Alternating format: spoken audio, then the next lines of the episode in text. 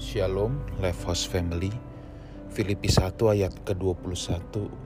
Karena bagiku hidup adalah Kristus dan mati adalah keuntungan. Ayat yang ke-22.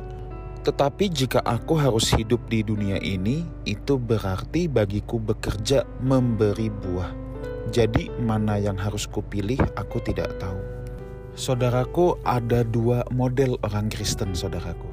Yang pertama dia takut mati saudaraku. Dia takut mati. Yang kedua dia seakan-akan berani mati banget, bahkan pengen cepat mati. Manakah yang benar di antara dua tipe ini? Mari kita bahas satu persatu. Tipe yang pertama, orang Kristen yang takut mati. Saudaraku, kalau orang takut mati karena hidupnya belum benar di hadapan Tuhan, ini jelas menjadi masalah. Atau juga ada orang yang tidak kepengen mati karena dia sangat menikmati atau sangat mencintai dunia ini. Ini juga jadi masalah, saudaraku, ya.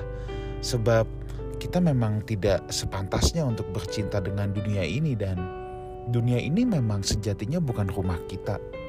Sebab tidak ada hal yang abadi di dunia ini, semua pasti akan kita tinggalkan. Jadi untuk jenis yang pertama tadi, orang yang takut mati akan menjadi masalah kalau alasan takut matinya yaitu mencintai dunia ini atau hidup belum bersih. Ya, hidup belum bersih di hadapan Tuhan. Ada orang jenis yang kedua, saudaraku, orang yang pengen mati. Bilangnya sih rindu ketemu Tuhan Yesus. Nah, ini juga harus kita selidiki, saudara. Apa benar dia rindu sama Tuhan Yesus? Karena sering kali yang kita jumpai adalah orang-orang yang berkata pengen cepat ketemu Tuhan Yesus, nama halusnya, atau dengan kata lain, udah deh, gue mati aja deh sebenarnya sebagai kompensasi atas kefrustasian dan kegagalan hidupnya di bumi ini. Ini juga tidak benar, saudaraku. Orang mau cepat ketemu Tuhan, kalau betul rindu akan pribadi Tuhan, itu yang benar.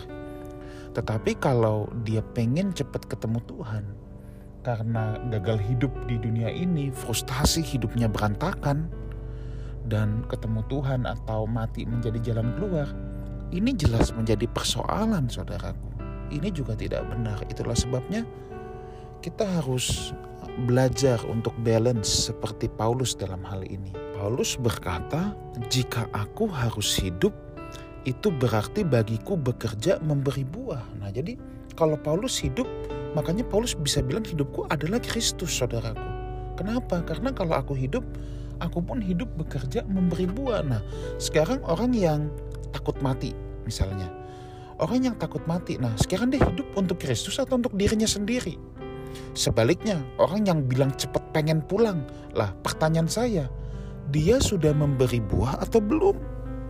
Kalau belum memberi buah, ya jangan mau cepat-cepat bilang ketemu Tuhan, berbuah saja belum hidupnya, ya. Jadi saya tegaskan lagi, ada orang yang takut meninggal ya tapi hidupnya bukan buat Tuhan hidup buat kesenangan sendiri ini masalah saudaraku ya tetapi ada jenis yang kedua orang yang bilang mau rindu pulang tapi dia tidak memberi buah. Yuk life house family kita belajar seperti Paulus. Paulus berkata bagiku hidup adalah Kristus. Itu berarti kalau aku hidup, aku bekerja, aku menghasilkan buah. Kalaupun sampai aku mati adalah keuntungan. Maksudnya adalah aku akan bertemu dengan kekasih abadiku. Jadi baik kita masih hidup maupun Tuhan memanggil kita kita harus di posisi bahwa kita hidup bagi Kristus jadi sebenarnya tidak ada masalah saudaraku ya mau hidup ataupun mati sama saja sama-sama buat Tuhan kalau hidup kita bekerja memberi buah kalau sampai kita ingin pulang ke surga pun atau dipanggil pulang bukan karena kita gagal hidup di bumi ini, tetapi karena memang tugas kita sudah selesai dan saatnya kita bertemu dengan kekasih abadi kita. Tuhan memberkati kita semua. Haleluya.